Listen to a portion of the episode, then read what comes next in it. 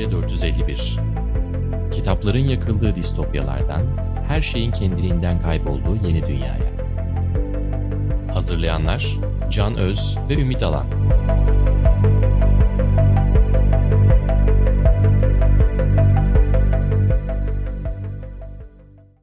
Merhaba, Sokrates Podcast'te Yeni Medya 451'in yeni bölümüne hoş geldiniz. Bu bölümde ben Can Öz, mikrofon diğer ucunda Ümit Alan. E, trolleri konuşacağız. Trollerin tarihini konuşacağız, nereden çıktığını konuşacağız, bugünkü trolleri konuşacağız, siyasileşmesini konuşacağız. Hatta trollük hizmeti veren algı operatörlerinden aldığımız tekliflerin ayrıntılarını size anlatacağız. Ama konuya şimdi ilk önce troll sözcüğünün nereden çıktığından girelim diyorum Ümit, ne dersin? Tabii. Trollük e, sözcüğü birçok farklı anlama gelebiliyor. Bir tanesi balıkçılıktan geldiği bir anlam var. Troll e, şeklinde avlanma yönteminden. Çok sık gördüğümüz bir başka anlamı bu İskandinav karakter olduğu işte köprülerin altında yaşayıp çocukları pusuya atıp çocukları korkutan karakter olarak bir canavar yani bizde öcü öcüye karşılık gelen bir karakter var İskandinav edebiyatında. Oradan geldiği evet, Fantazi söyleniyor. edebiyatındaki. Ee, evet. Hı hı. Ama bir tane iddia var ki e, o da özellikle provoke etmeye çalışan kişi anlamındaki yani provoke eden kişi anlamındaki trollemenin kaynağının e, Amerikan ordusunun 1960'taki yazışmalarından geldiği iddia ediliyor. O da çünkü o orada şöyle laflar geçiyor. MiG'ler için trolleme. Burada MiG diye bahsettiği Rus askeri uçakları. Yani onları provoke etmek için trolleme atışı yapmak, trolleme yapmak, onları provoke ederek e, cevap vermesi için gibi. Bu anlamı da gelebildiği söyleniyor. Hatta bu da balıkçılıktan bile gelmiş olabilir bak. Bu balıkçılıktaki trolleme çünkü aslında o kadar güzel anlatıyor ki. Yani balıkçılıktaki evet. trolleme aslında e, teknenin arkasına bir olta atıyorsun suya. Evet. Ve sen gidiyorsun. Ucunda bir yem var. Ama gidiyorsun sen yani. Sen arkana bakmıyorsun. Oltaya attın gidiyorsun. Balıklar lıkır lıkır takılmaya başlıyor oltaya. Ee, evet. Ya buna deniyor trolling, trollemek. Dolayısıyla mesela aslında hakikaten bir yem atıp sonra evet. arkanı dönüp gitme eylemi aslında trollüğü de çok güzel tanımlıyor ki bu belki de askeri terim de belki de oradan geliyordur. Zaten o da hani durup dururken Hı. troll diye bir sözcük evet. üretmemiş de olabilirler. Çok akla tabii, yatkın yani. Tabii tabii o X muhakkak bağlantılı. Yani ben o yüzden bu şey karakterinden geldiği, bu İskandinav karakterden geldiği e, savına pek katılmıyorum. E, çünkü o, o troll başka bir şey. O bir Hiç alakası yok zaten. Karakter. Ama işte o oradan da şu onunla şöyle örtüştürüyorlar galiba. Bu troller genellikle internette kötülük yapan insanlar ya. Normal kullanıcılara kötülük yapan oradan evet, evet. canavarlaştırmak için öyle bir tanıma gidilmiş olabilir. O tanımın doğruluğu üzerine düşünülmüş olabilir diye Zaten meme olarak da yani küçük internet evet. görseli olarak da çalışılmış şey çok kullanılır biliyorsun. Yani o hakikaten ha, evet. Skandinav trollünün yüzü ve böyle pis sırıtan hali. Aslında onu kullanırlar zaten. E ama tabii çıkış noktasını konuşuyoruz. Bunlar zaten çok önemli değil. E, tabii abi troll kavramının ilk dünyada nerede kullanıldığına da bir göz attım ben. Sen de bakmışsındır Hı-hı. muhakkak. Sen zaten her zaman çok iyi çalıştığın için eminim bakmışsındır. e, 1980'lerde ilk e, bugünkü anlamında yani internet trollüğü anlamında ortaya çıktığı iddia ediliyor. Bu 1980'lerde başlayan bu BBS'ler aslında BBS Bulletin board system demek. Yani modemle bir bilgisayara başka bilgisayara bağlanıyorsun ve oradaki bülten board'a giriyorsun. Yani bir takım tuşlara basıp oradaki bilgileri okuyabiliyorsun. Belki mesaj bırakabiliyorsun. Hatta 90'larda oyunlarda oynayabiliyordun falan filan. Veya bunun dışında Usenet'ler yani tartışma grupları yine modemle bağlanılan e, buralarda çıktığı iddia ediliyor. Ama e, Oxford sözlüğüne göre ilk resmen kullanılışı 1992 ve bu da yine bir tartışma grubunda ortaya çıkıyor. Bu tartışma grubunda yeni gelenleri, e, Urban isimli bir Usenet bu tartışma grubu. Buraya yeni gelenleri tespit etmek için grubun eskileri e, şöyle yapıyorlar. E, bir saçma başlık açıyorlar. Yani gerçekle hiç alakası olmayan bir başlık. Mesela şey yazıyorlar oraya. Cam aslında yeterince beklerseniz su gibi akar yazıyor mesela.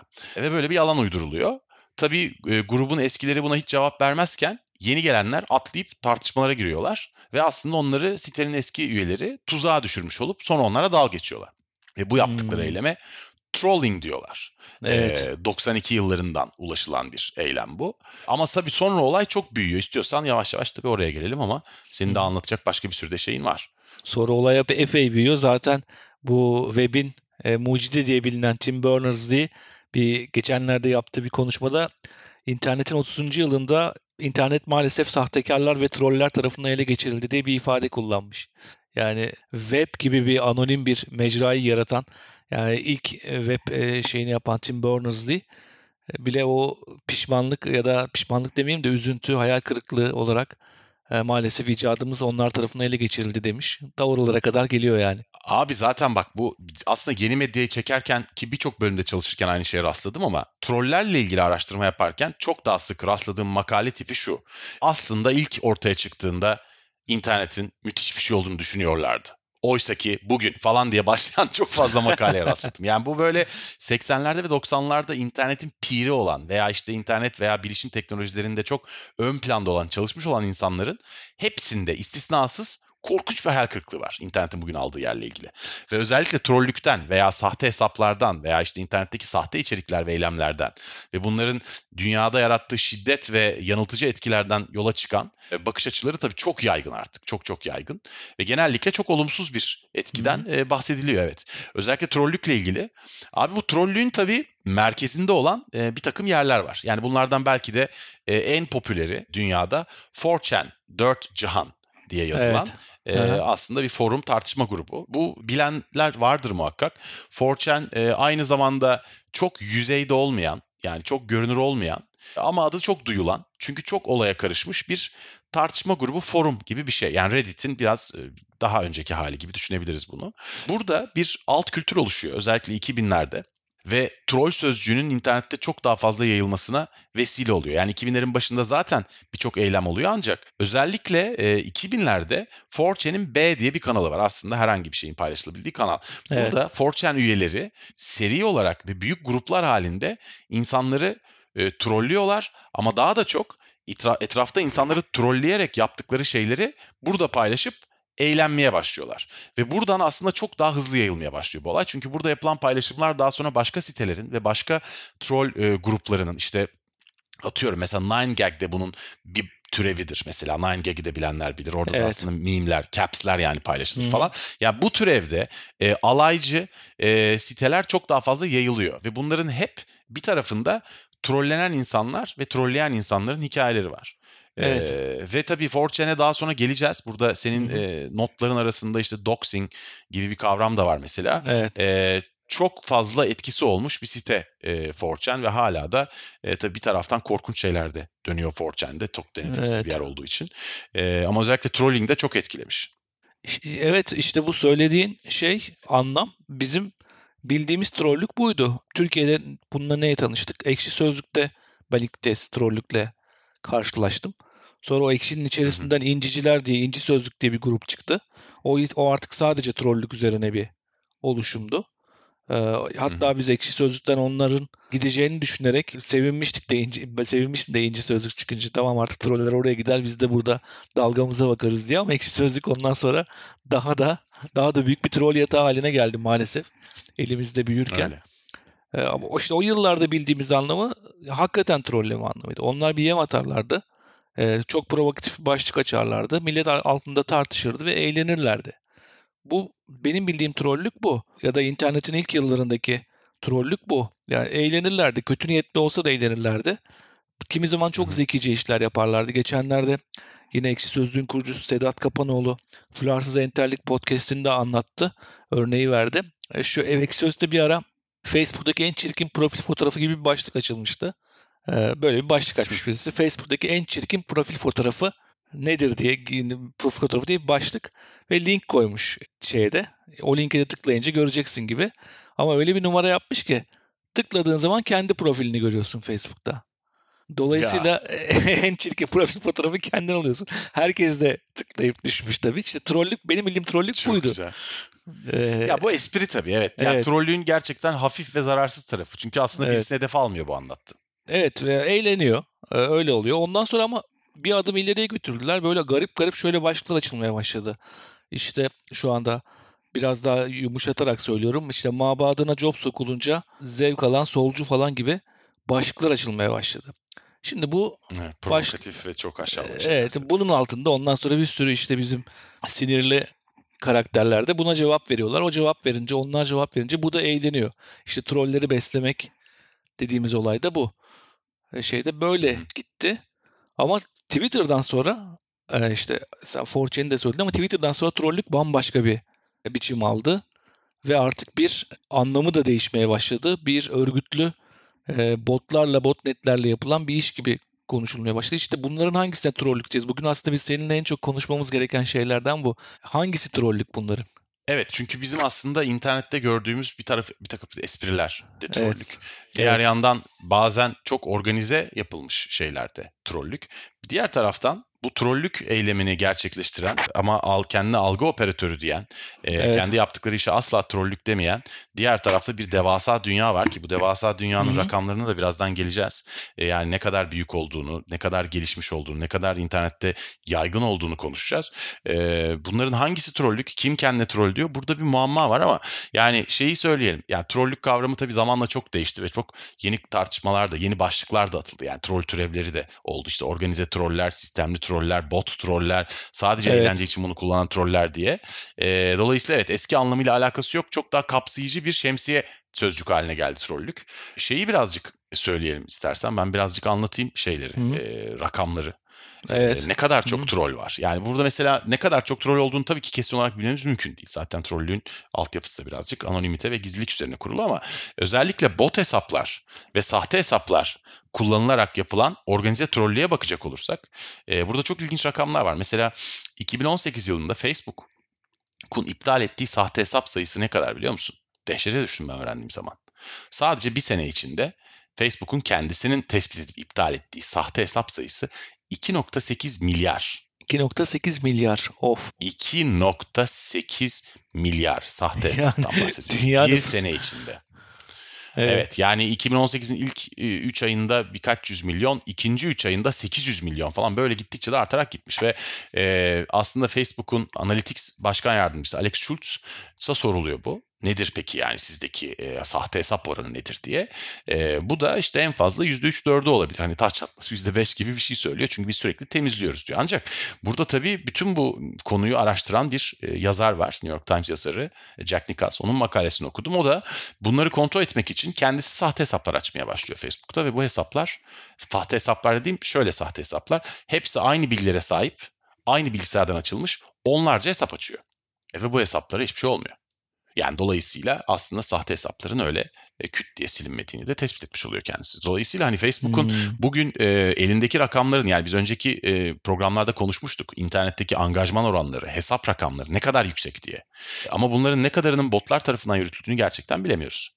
Yani mesela çok biraz daha geri gidersek, algoritmaların daha gelişmediği bir tarihe gidersek mesela 2012'de aslında trollüğün de iyice yaygınlaştığı, botların da iyice yaygınlaşmaya başladığı tarihler bunlar. 2010'dan sonra özellikle yaygınlaşıyor zaten. Facebook'a reklam veren bir startup firması yaptığı araştırma sonucunda Facebook'ta e, kendi reklamlarının yalnızca beşte birine gerçek insanların kliklediğini bu kliklerin 5'te 4'ünün bot hesaplar olduğunu söyleyip bütün reklamlarını çekiyor Facebook'tan. Daha sonra Facebook bunun üzerine bir açıklama yapıp e, şey diyor. Biz tespit ettik ki diyor işte bir takım e, Facebook'taki sayfalar kendi sayfalarını daha popüler hale getirmek için rastgele beğen basıyorlar ve beğen atıyorlar. Dolayısıyla bu sayfaları tespit ettik ve hepsini sistemden kaldırdık diye açıklamalar.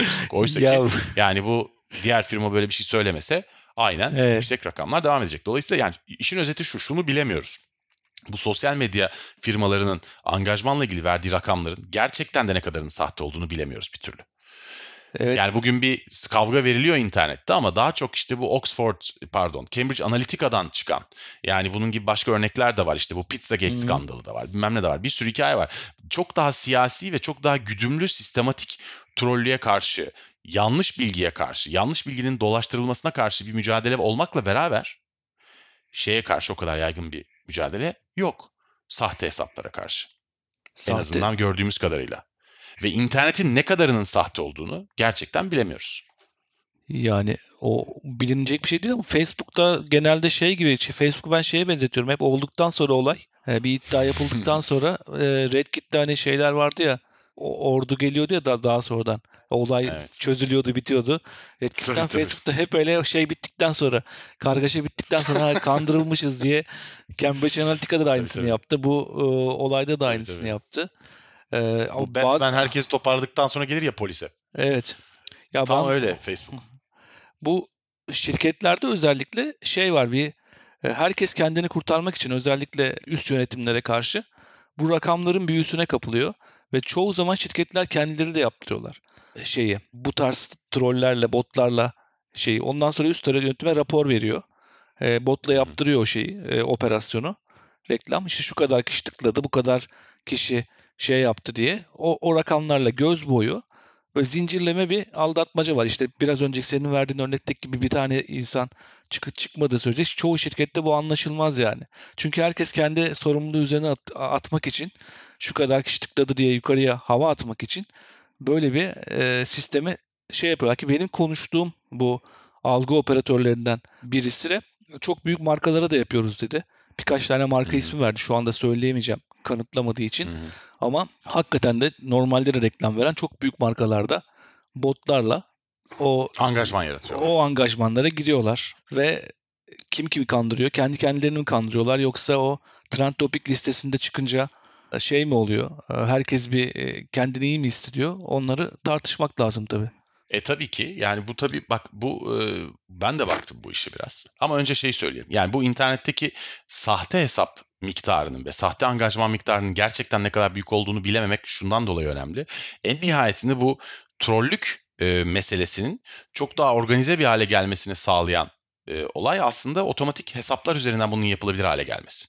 Yani bireylerin dalga geçtiği, eğlendiği, bazen çok kötü şeyler de yaptı. Bazen gerçek insanların yine organize olarak yaptığı şeylerin yerini yavaş yavaş çok daha sistematik işte Cambridge Analytica meselesindeki gibi ya da Pizzagate'deki gibi Twitter'daki Hı-hı. oto hesaplar üzerinden otomatik sirküle edilen içerik ve yaratılan içerikler üzerinden bunların yayılması ve aslında gerçek algı operasyonunun yapılması gibi bir boyut kazanıyor iş. Dolayısıyla bu reklam için ve reklamcılık için geliştirilmiş olan kaslar e, aynı zamanda korkunç bir e, troll ağının hacmini oluşturuyorlar diğer taraftan. Ama işte burada zaten biraz önce yaptığımız ayrıma geliyoruz. Yani birey olarak işte eğlenmek, dal geçmek veya rövanş almak için trollük yapan kişiye nazaran bu bahsettiğimiz geniş çaplı siyasi veyahut da işte sosyal operasyonlar aslında çok daha başka bir ismi de hak edecek boyuttalar diye düşünüyorum. İşte astroturfing deniyor onlara. Özellikle bu suni olarak yaratılan etkiye. Bu da kelimenin kökeni de şeyden geliyor. AstroTurf diye bir suni çim markası var. Hani İngilizce'de tabandan evet. gelen ve kendine oluşan halk oluşumları için grassroots deniyor ya. Ee, evet. Ona karşılık astroturfing diye bir şey. Bu da işte şey bir merkezden finanse ve kontrol edilen ve kendisine kitlesel taban hareketi süsü veren kampanyalara deniyor.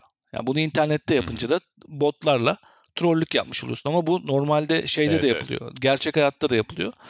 Ve yine bu Aslı Peker'in birikimdeki makalesindeydi bu bilgi. Onun makalesinde yine diyor ki senin biraz önce söylediğin şeye de burada biraz yanıt var. Kimi tahminlere göre internet trafiğinin %60'ından fazlasının insan kaynaklı olmadığı düşünülüyor.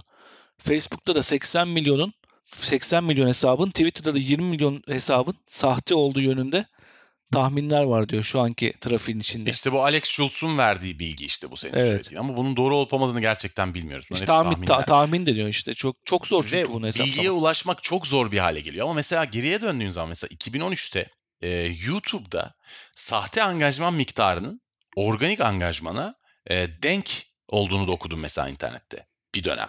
2013'te daha sonra hmm. YouTube bunu çözdü evet. vesaire ama yani bu yani sürekli olarak sürekli olarak ne yaparsan yap öyle bir dünya kurulmuş durumda ki artık e, ne kadar e, algoritma geliştirirsen geliştir bunlar da kendi algoritmaları kendi yöntemleriyle sürekli olarak ortaya çıkmayı beceriyorlar. Çünkü bu işin üzerinden çok para kazanılıyor zaten işin özeti zaten bu.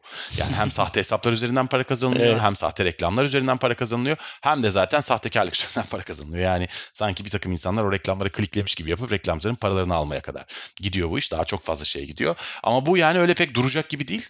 E, ve senin dediğin gibi bunun polis tarafı yani bunun algoritmalarla veyahut da diğer yöntemlerle keşfedilmesi hep biraz daha geriden geliyor gerçekten. O yüzden bunu evet. bilememek gerçekten çok korkutucu. Ama bununla beraber bu senle geçen programlarda da konuşmuştuk sahte haber konusunu. Hı hı. Sahte haberlerin yayılmasında da bu hesapların etkisi tabii çok çok fazla. Bu işte yine bahsetmiştik biraz önce. 2016'da ABD'de ABD seçimlerinde e, BuzzFeed'in yaptığı bir araştırmaya göre viral ve sahte içerikler New York Times'ın ve Washington Post gibi gazetelerin büyük haberlerinden çok daha fazla traksiyon yani paylaşım ve beğeni alıyor. Hı hı. Yani çok ciddi kurumların yarattığı içeriklerden çok daha fazla beğeni alıyor. Tabii bu dikkat çekiyor. Bununla beraber iki boyutu var bu işin. Bir bir taraftan sahte hesaplarla işte botlarla öncelikle fiştekleniyor bu iş. Ama diğer taraftan da böyle fişteklenen içeriklerin normal insanlar tarafından işte seninle konuştuğumuz gibi çok yoğun paylaşıldığı. Hatta bu yine BuzzFeed'in araştırmasına göre araştırmaya katılanların %16'sı seçim döneminde sahte olduğunu gayet iyi bildikleri en az bir içeriği bilinçli olarak paylaştıklarını söylüyor. Yani işin kötüsü dolayısıyla ayırt etmekte de zorlanıyorsun. Yani çünkü çok saçma bir şeyi sadece botlar paylaşmış diyebilirsin belki. Hayır onu da evet. diyemiyorsun. İnsanlar da gayet botlar gibi davranmaya teşne olduğu için ayıklamak, gördüğün bir şeyin sahte biri tarafından paylaşıp paylaşılmadığını anlamak artık çok zor. Evet tabii bot, bot kullanımını Twitter falan biraz zorlaştırdığı için şu anda bot kullanmak yerine insan istihdam ediyorlar ve insanlar işte o hep bahsedilir ya Putin'in troll fabrikasından. Ee, orada da mesela Putin'in troll fabrikasında Rus medyasındaki iddialara göre 400 kadar kişi iki vardiya halinde 24 saat çalışıyormuş ve yaptıkları iş de her birine Rusça haber sitelerine 5 yorum yazması ve 2000 takipçiye sahip 10 hesaptan 50, ta- 50 tane tweet göndermesi isteniyormuş. Yani bu 400 kişi düşün. Bunlar 10 e, ta hepsinde 10 tane hesap var ve bunlar asgari 2000 takipçiye sahip ve her gün 50'şer tane tweet atıyorlar ve bunlar da çoğu siyasi hiciv, caps, e, tartışma. Yani bütün o şeyi, algıyı ve gerçek insanlar bunlar. Oradan yönetiyorlar. Biz hep botlara takılıp kalırken bu gerçek insanlarda böyle çalışıyor. Eğer insan gücü de ucuzsa bir ülkede istediğin kadar çalıştırabilirsin evet. bunlardan. Ama bir yandan da yaratıcı olmaları gerekiyor. İş orada tıkanıyor işte biraz. Çünkü yaratıcı insan e, o kadar kolay bulunmuyor. Tabii ki. Abi şeye baktım ona da girelim hemen öyleyse. Yani Hı. şimdi bu işin e, boyutları nedir e, ve ne fiyatlara yapılıyor bu iş? Yani biz bir Hı. troll hizmeti almak istesek bugün e, bu iş kaça patlar? Şimdi bu işin tabii iki türevi var. Bir hakikaten uyduruk uyduruk web siteleri sürekli olarak işte evet. takipçi satın al siteleri var. Böyle evet. tonla site var. Bunlar çoğunlukla botla işliyorlar Hı. ama hemen hemen hepsinin iddiaları zaten her sitede böyle ayrımlar var. İşte Türk takipçi Türk bot takipçi, Türk gerçek takipçi, yabancı takipçi, yabancı bot, yabancı gerçek falan diye ayrılıyor. Ama burada tabii rakamlar çok düşük gerçekten. Yani atıyorum mesela e, sen Twitter'ına 10 bin takipçi satın almak istiyorsan ödemen gereken para 500 ile 3000 lira arasında değişiyor aslında. Çok da fazla değil. Yani az bir para değil ama 10 bin tane takipçi eklemek için ödemen gereken para bu. Evet. Ee, Instagram'da mesela Instagram'da çok daha ucuz. Instagram'da hesabına 100 bin takipçi eklemek istersen ödemen gereken para internetteki sitelerde 2000 ile 5000 lira arasında değişiyor. Bunlar da büyük paralar değil böyle bir iş için. Yani 500 bin e, takipçili hesapların aslında birdenbire ne kadar gelir sağlayabilir olduğu düşünülürse. Evet. Tabii bunların büyük çoğunluğu daha sonra bu sistemler tarafından yakalanıyor, hesaplar kapatılıyor. Bununla karşı çok ciddi bir mücadele var. Ancak evet aynı senin yaptığın gibi ben de bu işi çok daha büyük çapta yapan bir firma buldum. Hı-hı. Aslında bu programı yapmadan önce biz siyasi operasyonlara katılmış bir trolle de görüştüm ben programa katılması için ama bir söylediklerinin çok palavra olduğunu hissettim. İkincisi de platform vermek istemediğim için onu dahil etmedim evet. buraya. E, ancak şey yani yaptığım görüşme hakikaten görüştüm de ama e, hakikaten beğenmedim herifi yani bir tuhaf bir adamdı ama normal herhalde. Sonra başka bir firma buldum Ümit. Bu evet. firma aynı seninki gibi e, çok büyük e, firmalara kendi söylemleriyle itibar yönetimi hizmeti veriyorlar. Şimdi itibar yönetimi tabii aslında bugün çok yapılan bir şey. İtibar yönetimi dediğinizde başınıza bir şey geldiğinde bu klasik PR'ın biraz gelişmiş hali olarak görünüyor. Her firma yaptırır. Başınıza bir şey geldiğinde size yardımcı olurlar, destek olurlar. İşte basın bültenleri gönderirler. Sizin itibarınızı yönetmeye çalışırlar. Ancak bunun e, yeni geldiği hallerden bir tanesi. Bu firmanın yöneticisi olan şahıs, bu şahsın ben kendi e, internetteki hesaplarını da buldum ve hesaplarına baktığımda e, bu görüştüğüm firma ile ilgili hiç bilgi olmadığını gördüm. Mesela LinkedIn hesabında da böyle. E, oysa ki bu e, arkadaş Türkiye'de çok büyük medya şirketlerinde çalışmış ve hala çalışan gayet profesyonel bir kişi. Ama e, hiç LinkedIn'e koymadığı, kendi adına ilişkilendirmediği bir web sitesi olduğu bir operasyon yürütüyor. Ve burayı aradığın zaman itibar yönetimi için sana çeşitli fiyatlar, çeşitli hizmetler sunuyorlar. Bu hizmetler ağırlıklı olarak bir kere e, hep gerektiğinde ücreti işe göre konuşulmak üzere deniyor. Ama bunlarla çalışan bir başkasından ben fiyatlarını da öğrendim e, işin riskine ve işin büyüklüğüne göre fiyatlanacak şekilde itibarınızı yönettiğini söylüyor. Verdikleri hizmetler 3 aşağı 5 yukarı şu. E, tabii çok sayıda büyük markayla ve ünlü kişiyle çalıştıklarını söylüyorlar. Evet. Mesela bir linç kampanyası geldiği zaman yaptıkları hizmete trend değiştirme hizmeti deniyor. Yani senin adına hakikaten çok büyük bir saldırı varsa bu organik bir saldırı da olabilir veyahut da bir Aha. sabotaj ve bunun gibi bir firmanın yaptığı bir çalışma olabilir. Burada e, çok sayıda ısrarla söyledikleri şey hepsi gerçek insanlardan oluşan operatörlerimiz tarafından trend değiştirme hizmeti ver, veriliyor. Ve sizinle ilgili belki de çok olumlu bir e, şey e, trending topik yaratılıyor veyahut da Instagram'da bir Instagram trending hashtag yaratılıyor. Hı hı. Ve bu insanlar bunların altına sürekli olarak sizin için bilgiler giriyorlar. Ne kadar çok girmenizi istersin, ne girmelerini isterseniz. Tabi burada size esas önerdikleri şey aslında sizle sürekli çalışmak, aylık bir paraya çalışmak. Burada verdikleri hizmete göre e, aldıkları rakam 5 bin ila 30 bin lira arasında değişiyor. Sizin için sürekli çalışıyorlarsa. Evet. Ve e, bunlar işin tabii şey tarafları. Yani size karşı bilinç varsa bunu engelliyoruz, size saldırı varsa bunu engelliyoruz falan filan. Ancak bir de işin sabotaj tarafı var. Bunu açık açık söylemiyorlar ama bunun olduğunu bildiklerini ve bağlantıya geçebileceklerini söylüyorlar. E, sabotaj tarafında da aslında aynı şeyin tam tersini evet. bir rakip firmaya, bir rakip şirkete yapmaktan bahsediyorlar. Arada konuşurken sohbeti biraz şey bu firmanın adını tabii ki vermeyeceğim bu arada. Yani hı hı. bu işi yapanların. Çünkü verirsem aynı şeyleri bana yapabilirler. Yani bunu göze alamam. Bir de dava açarlar mı açarlar. evet. Ee, ancak yani bu görüşmelerin gerçek olduğuna emin olabilirsiniz. Bir de bu görüşmede tabii sohbeti oraya getirip ya hani biraz sohbet eder gibi etmiyor herif ama e, yani bu iş ne kadar büyük, bu işi yapan ne kadar firma var? Türkiye'de bu iş nasıl dönüyor? Yani sizin gibi çalışan başka firmalar var mı? Siz en iyisi misiniz ki veya başkaları neleri önerirsiniz falan deyince böyle onlarca firma olduğunu böyle onlarca grup olduğunu, kendilerinin şüphesiz ki en iyisi olduğunu, Türkiye'de binlerce böyle çalışan operatör olduğunu ama en iyi operatörlerin şüphesiz ki kendilerinde olduğunu söylüyor. Şimdi bunu bir kenara bırakıp bu tür evet. firmalarla da çalışan ve çalışmış çok büyük şirketlerde çalışan e, değişik pozisyonlardaki arkadaşlarımı aradım. Yani aslında PR, e, marketing, evet. işte kurumsal iletişimde çalışan birkaç kişi aradım ve nasıl yürüdüğünü öğrenmeye çalıştım. Ve öğrendiğim bilgi şu bana çok ilginç geldi. Bunun artık böyle firmalarla çalışmanın Türkiye'deki en büyük firmalar için artık bir norm olduğunu, bunun bazı firmalar tarafından hakikaten bilgi manipülasyonu olduğu için reddedildiğini, tehlikeli bulunduğunu. Ancak birçok firmanın rakipler kendilerine saldırırsa diye refleks olarak bu firmalarla artık çalışmak zorunda kaldığını. Bunun artık neredeyse futboldaki hakeme itiraz gibi. Yani rakip eder o yüzden dezavantaj duruma düşeriz. O yüzden biz de hakeme itiraz etmek zorundayız diyerek bir salgın haline gelmekte olduğunu ve e, çok sayıda firmanın internette gördüğümüz çok fazla içeriği bu yöntemlerle manipüle ettiğini ve önümüze çıkardığını söyledi. Şimdi bu evet. dehşet verici bir şey. Yani bunun bizim bildiğimizden çok daha yaygın olduğunu e, görüyoruz. Belki de biliyoruz bilmiyorum ama yani tam bunların hepsi biraz muğlak bilgiler ama yani burada dinleyenlerin hepsi bilmiyordur Türkiye'deki en büyük firmaların bile aslında trollerle evet. çalıştığını. Değil mi? Evet çalışıyorlar. Dijital PR adı altında. Yani hepsine tabii tenzih ediyorum. İki tür çalışma var. Bir tanesi senin söylediğin gibi itibarlı olduğu düşünülen fenomenlere yazdırılarak onun da tweet başına bir fiyatı var. İşte bu influencer marketing abi. Başka yani influencer'da şey işte o şeyle yapmak. Bir de botlarla yapmak. Bu hmm.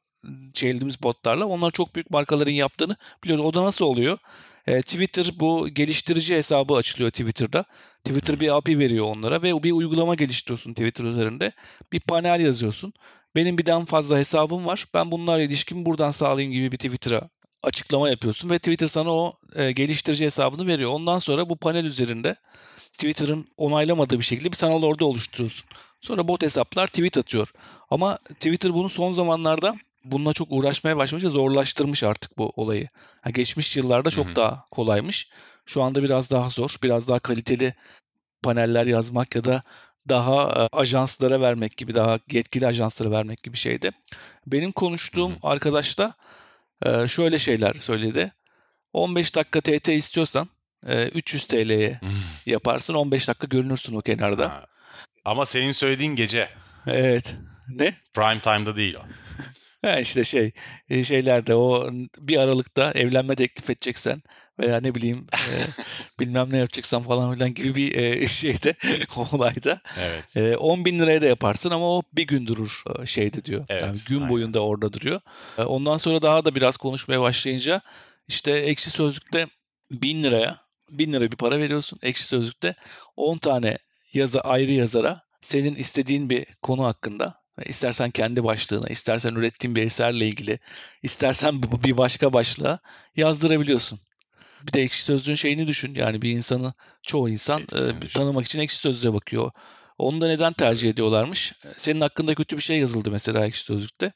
Hemen altına 10-15 tane yorum yazdırıyorsun. O arka sayfaya gidiyor. E, son sayfada görünmüyor. Dolayısıyla onu hem onu gizliyor hem de kendini övdürebiliyorsun ya da bir başkasını boklayabiliyorsun. Bunun yine Sedat SSG bunlarla da mücadele ettiklerini söylemişti ekşi sözlükte. Şöyle mücadele ediyorlarmış. Bunları tespit edip teklif veriyorlarmış. E, kendileri yani şeyin içinde. Ekşi Sözlüğün içinde. Ekşi Sözlüğün içindeki arkadaşlar gidip e, bana şunu yazar mısın diye teklif ediyor. Ondan sonra siliyorlarmış ama bunu e, silip yetiştirmek mümkün değil böyle bir şey tabii. Bu da çok ağır, yavaştan gelen bir mücadele. Evet tabii ki mümkün değil ama e, yani şey dehşet verici tabii. Ya bunun bu kadar ucuz olduğunu bilmek. Evet. Yani gerçekten çok kolaylıkla Facebook'ta veya Twitter'da veya da iki sözlükte veya herhangi bir yerde kendinizle ilgili istenilen şeyin konuşuluyor olduğunu insanlara düşündürmeniz çok kolay. Ve bir başkasıyla ilgili korkunç bir şeyi yaymak yine çok kolay. Yani bunun artık hani Cambridge Analytica'lara falan gerek yok. evet. Yani rahatlıkla doğru firmayı tanıyorsanız veya doğru internet sitesine girerseniz bunu yapabilirsiniz. Veyahut da kendi hesabınıza çok yüksek miktarda takipçi ekleyebilirsiniz. Veyahut da bir başkasının hesabına çok ciddi bir saldırı yapabilirsiniz. Tabii bu dehşet verici olmakla beraber bir taraftan da bununla mücadele ediliyor dediğin gibi. Hatırlıyorsun şey Twitter Haziran'da 12 Haziran'dı galiba. Evet. 7 bin tane çok siyasi angaja olduğunu söylediği hesabı kapattığını söylemiş. Sen de bununla ilgili bir yazı yazmıştın köşende. Evet. Bunun aslında çok iyi bir yöntem olmadığını düşündüğünü söylemiştin. Nasıl Hı-hı. buluyorsun bunu? Bu sence bu tür tür yöntemler e, trolleri e, azaltır mı yoksa daha mı ateşler? Yani daha ateşler ayrıca da e, ikna etmez şey. Yani Twitter'ın yaptığı orada sadece tek bir cephenin trollere sahip olduğunu düşünerek e, ona yönelik bir hareket yaptık ve raporda ki Stanford Üniversitesi tarafından hazırlanmıştı o rapor. Evet. Çok muğlak ifadeler vardı. Bağlantılı olduğunu düşünüyoruz. Bağlantılı olabilir falan gibi ama o bağlantıyı nasıl kanıtlayacaksın? Ve sadece bu mu? Yani koskoca şeyde, koskoca Türkiye Twitter'ında bu 7000 hesap mı var?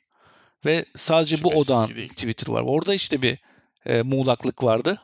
Çok siyasi ve taraflı bir çıkışa benziyordu. Bu yüzden itiraz etmiştim. Twitter'ın çünkü zaman zaman bu operasyonları yapıyor. Hiç söylemeden de yapabilir. Hiç kimse benim troll ordum vardı, troll ordumu yok ettiler diye ortaya çıkmaz.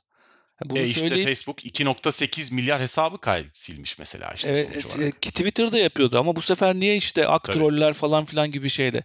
Mesela Rusya'daki troll e, ordularının bir tanesi e, şeye bağlıymış. Bu saraya, e, Rusya'daki başkanlık sarayına yemek sağlayan catering firmasının sahibi bir ayrı şirketi varmış. E, o ayrı şirket üzerinden de troll ordusu çalıştırıyormuş.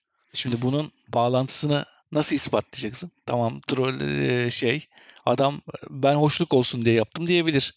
Tamamıyla şey üzerinden işte bu Twitter'ın PR olarak değil gerçekten mücadele etmesi lazım ve artık bunun daha fazlasını yapması lazım. Sadece trolleri silmek değil, moderasyona da daha fazla girmesi lazım. Son zamanlarda giriyor ama onda sadece Trump'a düzeltme yaparak e, Twitter'ın evet, tek trolü yani... Trump'mış gibi evet Twitter çok tek taraflı bir mücadele veriyormuş gibi görünüyor ki bu zaten o mücadeleyi de çok zayıflatıyor ister istemez.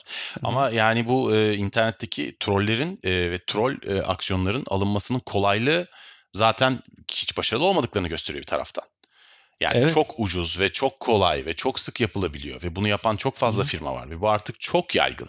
Yani bu internet trolleri sadece gizli bir takım karargahlarda karanlık bir takım insanların yürüttüğü e, operasyonlar değil artık. Hakikaten her köşe başında bunu yapan bir küçük ofis kurabilirsiniz ve çok rahatlıkla bunu yürütebilirsiniz. Çünkü çok yaygın olarak evet. yapılıyor bu.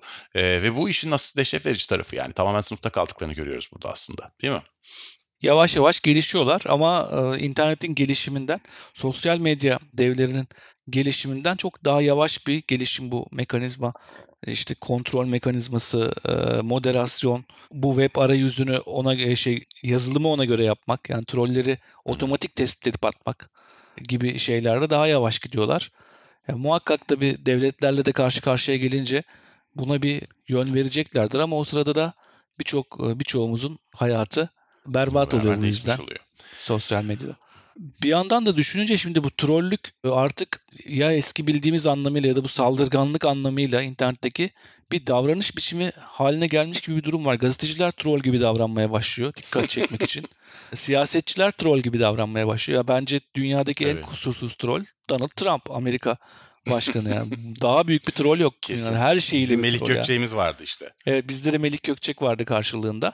Ama bak evet, bir de Melik Melik Gökçek'le uğraşan Odun Herif'ti galiba. Odun Herif diye bir hesap Doğru. vardı. Ee, o da aslında bir tür troll. O tam trolldü zaten. Evet o troll Melik eyle... Gökçe'yi trollemişti o da zaten. evet karşılıklı bir trolleme. Bir yan taraf bir yandan da e, ona da troll diyoruz. Melik Gökçe'ye de troll diyoruz.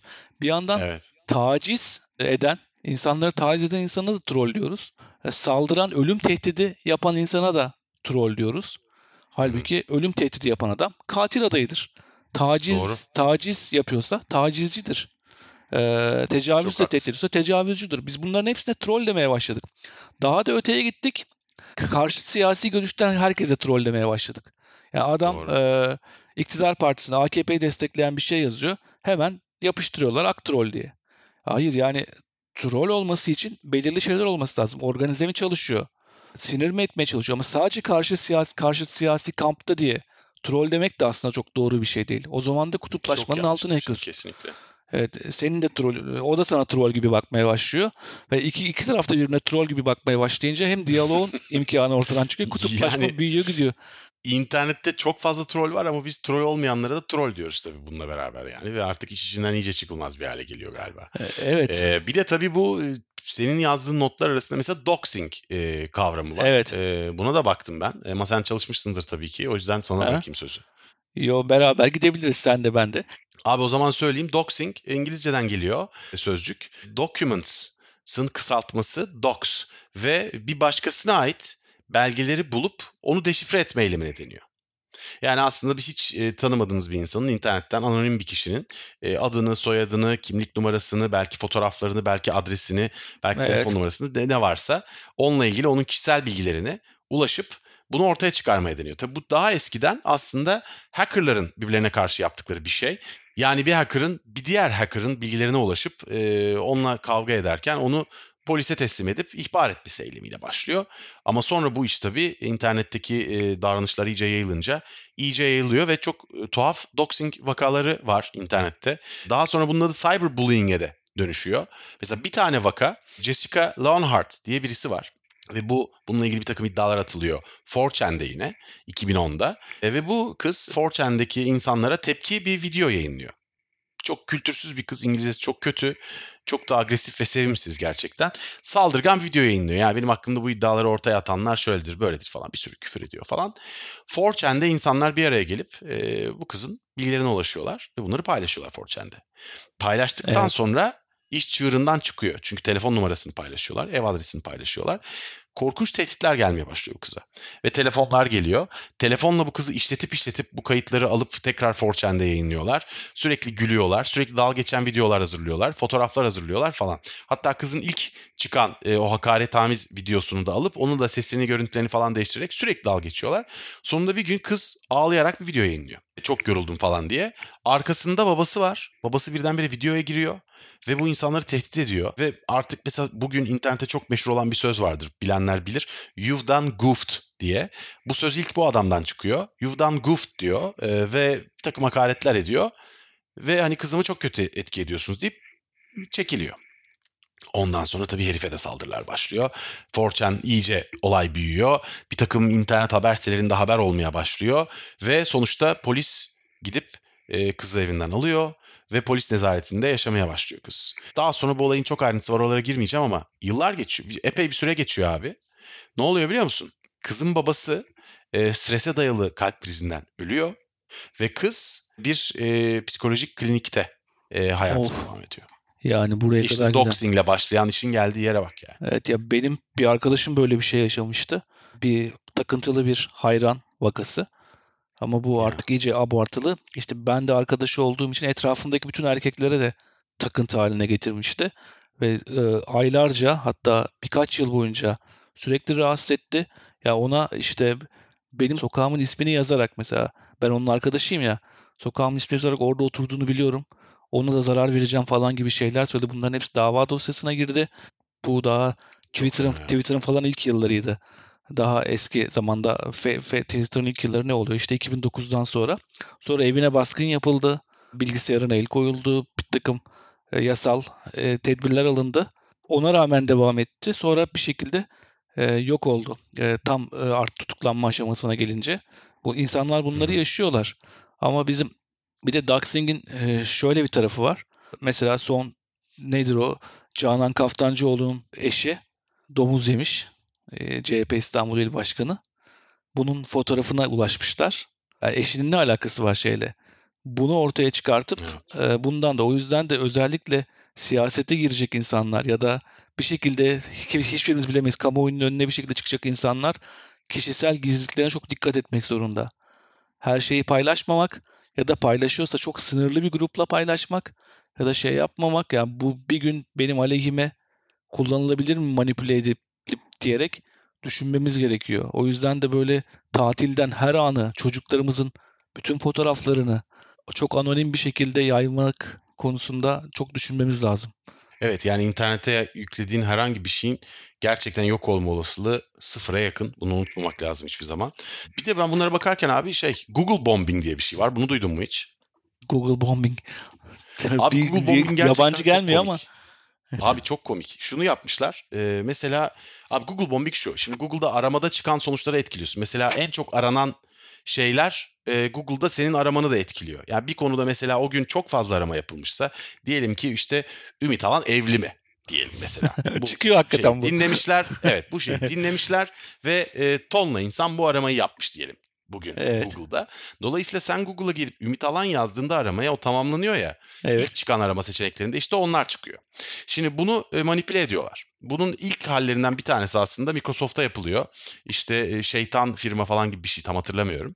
Böyle aramalar yapılıyor veya böyle aramalarda search engine optimizasyonlarına giriliyor. Yani sitelerin altına aslında e, aramayla sonucu ilişkilendirilen küçük tekstler giriliyor. İki yöntemle de yapılıyor bunlar. Ama en yaygını tabii aramayı yaparak, aramanın kendisini yaparak. Abi bu başka bir örnek. Bir firma şey yapıyor. Dumb motherfucker sözcüğünü e, şunla ilişkilendiriyor. Bir mizah dergisi aslında bunu yapan 2000 yılında. E, George W. Bush ile ilgili ürünler satan bir siteyle ilişkilendiriyor. Dolayısıyla sen Google'a girip dumb motherfucker yani işte nasıl çevrilirse artık yazdığın zaman aramalarda en üstte George W. Bush ile ilgili bir şey çıkıyor.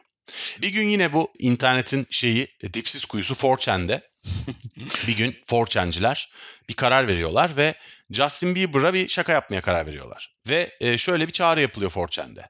Giriyorsunuz Google'a Justin Bieber syphilis yani frengi diye arama yapıyorsunuz hepiniz. Hatta bunun için şu autoclicker yani aslında sizin yerinize aramayı otomatik olarak yapacak şu yazılımı da kullanacaksınız diye. 4chan'cilerin hepsi harekete geçiyorlar. Deliler gibi Justin Bieber syphilis diye aramalar yapılıyor internette. Ve bu aramalarda birinci sıraya çıkıyor ve bu fark ediliyor ve aynı gün içinde dedikodu sitelerinde haber olmaya başlıyor. Yani böyle yöntemler de var mesela. Bugün hala Google bombing yapmak mümkün. Eğer biz istersek bugün yapabiliriz çok rahat. Senin verdiğin örnek de bu arada şu anda şimdi kafama takıldı. Ümit Alan evli mi hakikaten çıkıyordu. Bir dönem daha fazla çıkıyordu. Yani Ümit Alan yazında evli mi diye çıkıyordu e, şeyde. Demek ki evet. birileri Demek senin evli... peşinde birileri var. Mış zamanında. Şu son zamanlarda yani çok senin Ümit, yani evet Ümit Alan'la ilgili mesela merak edilebilecek tonla şey var. Yani Ümit Alan nasıl bir yazar? Ümit Alan işte evet. şey hangi üniversitede okumuş? Ümit Alan'ın yazı yazdığı gazete neresi falan. Hayır. Ümit Alan evli mi? En çok aranan şey Ümit Alan evli mi olmuş demek ki. Bak bu da sana internetle ilgili bilgi veriyor işte. evet. Enteresan. Peki abi o zaman evet. bayağı bir zaman oldu. Evet. Ee, programın süre sınırına yaklaşıyoruz. O, o zaman en önemli konuya gelelim. Evet. Bireysel olarak nasıl mücadele edeceğiz trollerle? Yani hep artık çok e, klişe haline gelmiş e, örnek. Görmezden gelin, trolleri beslemeyin deniyor. Don't evet. feed the troll diyorsun. Evet. En büyük şeysi bu. E, ama artık bu yetmiyor görmezden gelmek. Çoğu kişi de ne kadar görmezden geleyim falan filan diyor. Nasıl mücadele edeceğiz diye o yüzden birkaç tane şey lazım. Bir defa troller tarafından saldırıya olan uğrayan insanlara yeterince sahip çıkıyor muyuz? Yoksa gör, biz de o saldırıyı mı görmezden geliyoruz? Bunun üzerine düşündüm ben bu şeyi hazırlarken. Yani birisi troller tarafından saldırıldığında haberimiz olmuyor ya da haberimiz olsa bile hadi trolü beslemeyelim diye biz de görmezden geliyoruz. Bence tam karşılığında Bizde troller tarafından saldırıya uğrayan insan varsa etrafımızda, ünlü veya ünsüz, onu savunacak ya da onu baş, başka bir şekilde tanıtacak yeni bir söylem inşa etmek üzerine düşünmemiz lazım. Bir örnek versene abi anlamadım yani. Troller Mesela tarafından saldırıya uğramakla kastın ne? Sen bir şey yazdın bir anda troller senin altında bittiler. Kimisi tutuklu, kimisi evet, ya, e, kimisi işte dava açılsın diyor, kimisi yargılansın diyor, kimisi tutuklansın diyor, kimisi bilmem ne diyor, kimisi e, ailene bir şeyler linç söylüyor. Linç kampanyası oluyor yani. Bir linç oluyor. O altında öyle bir şey seni hedef gösteriyorlar şeyden. İşte onlara karşı onlar nasıl Ama bunu yapanlar her zaman troller değil ki abi. Yani sonuç olarak insanlar linç kampanyasına girişiyorlar gerçek ve bunu düşünen insanlar bunlar. Yani yaptıkları kötü ee, belki tabii. de. Hepsi troll değil tabii ki ama troller tarafından tabii. yapılıyorsa ya da böyle olduğuna ha, kanaat, kanaat getirdiysek e, özellikle botlarla falan e, bunu biz de o insanı savunarak öne çıkartma, karşı söylem geliştirme, onlar kadar örgütlü olma üzerine düşünmemiz lazım. Mesela benim konuştuğum... Ha yani ters teptirmekten bahsediyorsun. E, terse, terse, terse çevirmek. Bunu nasıl yapacağımız üzerine daha fazla strateji üretmemiz lazım. Mesela benim konuştuğum işte bu teklif istediğim e, işte şuraya ne kadar yazdırabilirim dediğim arkadaş bana dedi ki Türkiye'de troll olmamasına rağmen yani trollük yapmamasına rağmen kendi aralarında örgütlenip en büyük kampanyaları yapan gruplar hayvan severler, hayvan savunucuları dedi. İnanılmaz bir şekilde kendi aralarında ağları var. Bir hayvanla ilgili bir durum olduysa ya da hayvanlara karşı bir kötü bir davranış yapıldıysa inanılmaz bir şekilde örgütlenip bir anda Twitter'ın bütün gündemini değiştiriyorlar dedi.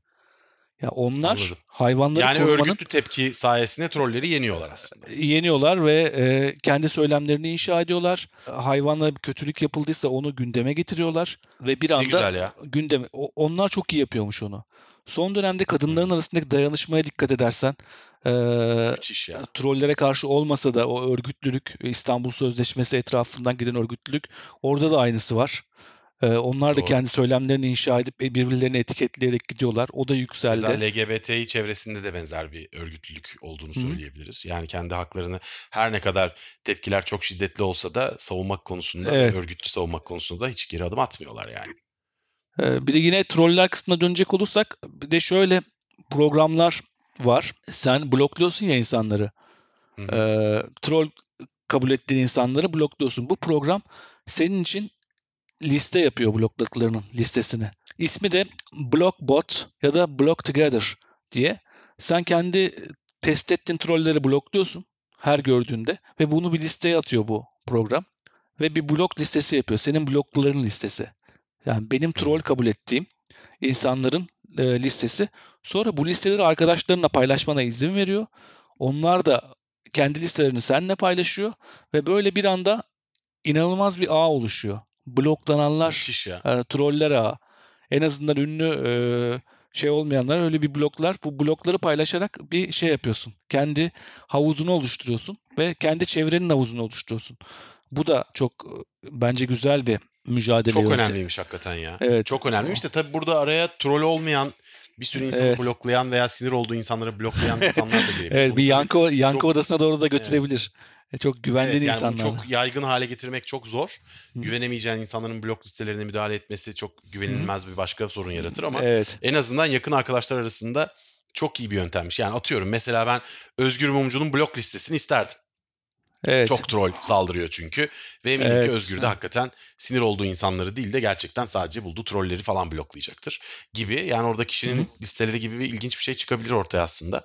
Abi öyleyse yani don't feed the troll diyerek evet. e, konuyu toparlıyoruz galiba. Evet evet bir de şunu söylemek lazım. Ee, devam. Yani bir, bundan sonraki bölümümüzün konusu aslında bu. Kullanıcıyı bilinçlendirmek lazım trollerle mücadele için. İşte o da medya okur yazarlığından geçiyor. Yine metnin içinde, konuşmanın içinde söylediğimiz sosyal medya devlerine düşen sorumluluklar var. Yazılımı ona göre geliştirmek ve moderasyon hı hı. yapmak. Artık yavaş yavaş e, moderasyon sorumluluğunu üstlenmeleri lazım. Buradan bu kadar gelir elde ediyorlarsa buradaki içeriği kalitelileştirmek üzerine, modere etmek üzerine tabii ki sansüre varmayacak şekilde modere etmek üzerine daha fazla düşünmeleri gerekiyor. Evet yani bu şey ekşi sözlükte kısa süre önce troll diye bir sekme açıldı ve aslında troll olduğu düşünülen başlıkların oraya atılması e, gibi bir girişim oldu. Hı hı. Tabii ki bütün troll içerikleri kapsayamıyor bu ama e, bu da bu yönde bir adımdı mesela. Buna tabii evet. çok tepki gösterenler de oldu. Bu ne sonuç verecek, ne kadar iyi işleyecek bunu tabii ki zaman gösterecek ama yani bu konuda e, firmaların da bu mücadelenin parçası olması gerektiği muhakkak. Öyleyse e, bir dahaki bölümde medya okur yazarlığı konuşacağımızı söyleyelim. Bugün bir kitap önermedin galiba değil mi sen? Bugün makale önereceğim birkaç tane. Hı hı. Ee, bu hazırlanırken de şey yaptığımız. Onları hızla söyleyeyim. Ee, bir tanesi Wired.com'dan Nobody Knows What Troll Means Anymore. Emma Gray, Ellis'e ait Abi, bir makale güzelmiş. bu. Aynı makaleyi okumuşuz ya. Evet, çok çok çok hoş bir makaleydi ve orada Müller'e de Müller'e de e, bayağı bir e, evet. şeyleri vardı. Bu Müller raporu var ya meşhur orada hı. ona da göndermeleri vardı. İkinci makale troller, botlar, AstroTurf, e, sosyal medyanın antisosyal yüzüyle baş etme rehberi. Aslı Peker bunu birikimdergisi.com'da yazmış. E, üçüncüsü bot, botnet ve trolleri anlamak. Donara Baroyan yazmış bunu da. Newslab Turkey çevirmiş. E, o orijinal hesabında, orijinal makalede DF, DFR Lab'in Medium hesabında, yani Medium sitesinde ama Türkçesi bot, botnet ve trolleri anlamak yazınca çıkıyor Google'dan. Hı hı. Bir tanesi de Rusya'daki trollerin hikayesini anlatan Rusya'daki bu troll organizasyonunun bir troll fabrika, fabrikasının tuhaf öyküsü. Bunu da Emre Kızılkaya 5 Ekim 2015'te Hürriyet'te yazmış. Ee, o da iyi bir inceleme. Ondan da yararlanırlarsa hem bu burada Çok konuştuklarımızın bir kısmını hem de troller konusunda kafada belirli bir alan oluşturacak kadar bilgi alabilirler. Çok güzelmiş. Bir de Data and Society Research Institute'un datasociety.net sitesinde e, yaptığı orada Alice Morwick ve Rebecca Lewis'in yaptığı bir araştırma var. Media Manipulation and Disinformation Online diye. E, çok kapsamlı bir çalışma. Yani bu hem internet trollerini hem e, oyun kültürünün buna etkisini hem nefret gruplarını ve ideologların etkisini Hı. hem komplo teorisyenlerini hem influencerları hem e, hiper partizan e, haber gruplarının etkisini hem politikacıları hepsini ayrı ayrı case'ler, vakalar üzerinden inceleyerek araştıran çok uzun bir çalışma var. Çok güzel bir çalışma. Bunu da tavsiye ederim. Bunun bulamayabilirsiniz. Bu bir PDF dosyası çünkü. Bunu da şey yaparız. Şeyin altına, Twitter'daki hmm. postun altına linkini koyarız. Oradan da bulabilirsiniz. Hatta evet. yani Ümit'in yazdığı makaleleri de zaten bulur. Orada paylaşırız. Tabii ki. Tamam öyleyse e, Ümit çok teşekkürler. Zor bir bölümdü ama ederim. çok ilginç bir bölüm oldu. Özellikle e, aradığımız şeylerden bir tanesi internette karşılaştırdıklarımızın ne kadarı troll, ne kadarı sahte, ne kadarı bot. Buna tam olarak Hı. ulaşamadık ama ulaşamayacağımız bir büyüklükte olduğunu gördük. E, bir dahaki bölümde sevgili dinleyiciler Ümit Alan'la birlikte medya okur yazarlığını konuşacağız ve bu e, bu programın bu sezonunun son bölümü olacak. Bir dahaki bölümde görüşmek üzere. Hoşçakalın. Hoşçakalın.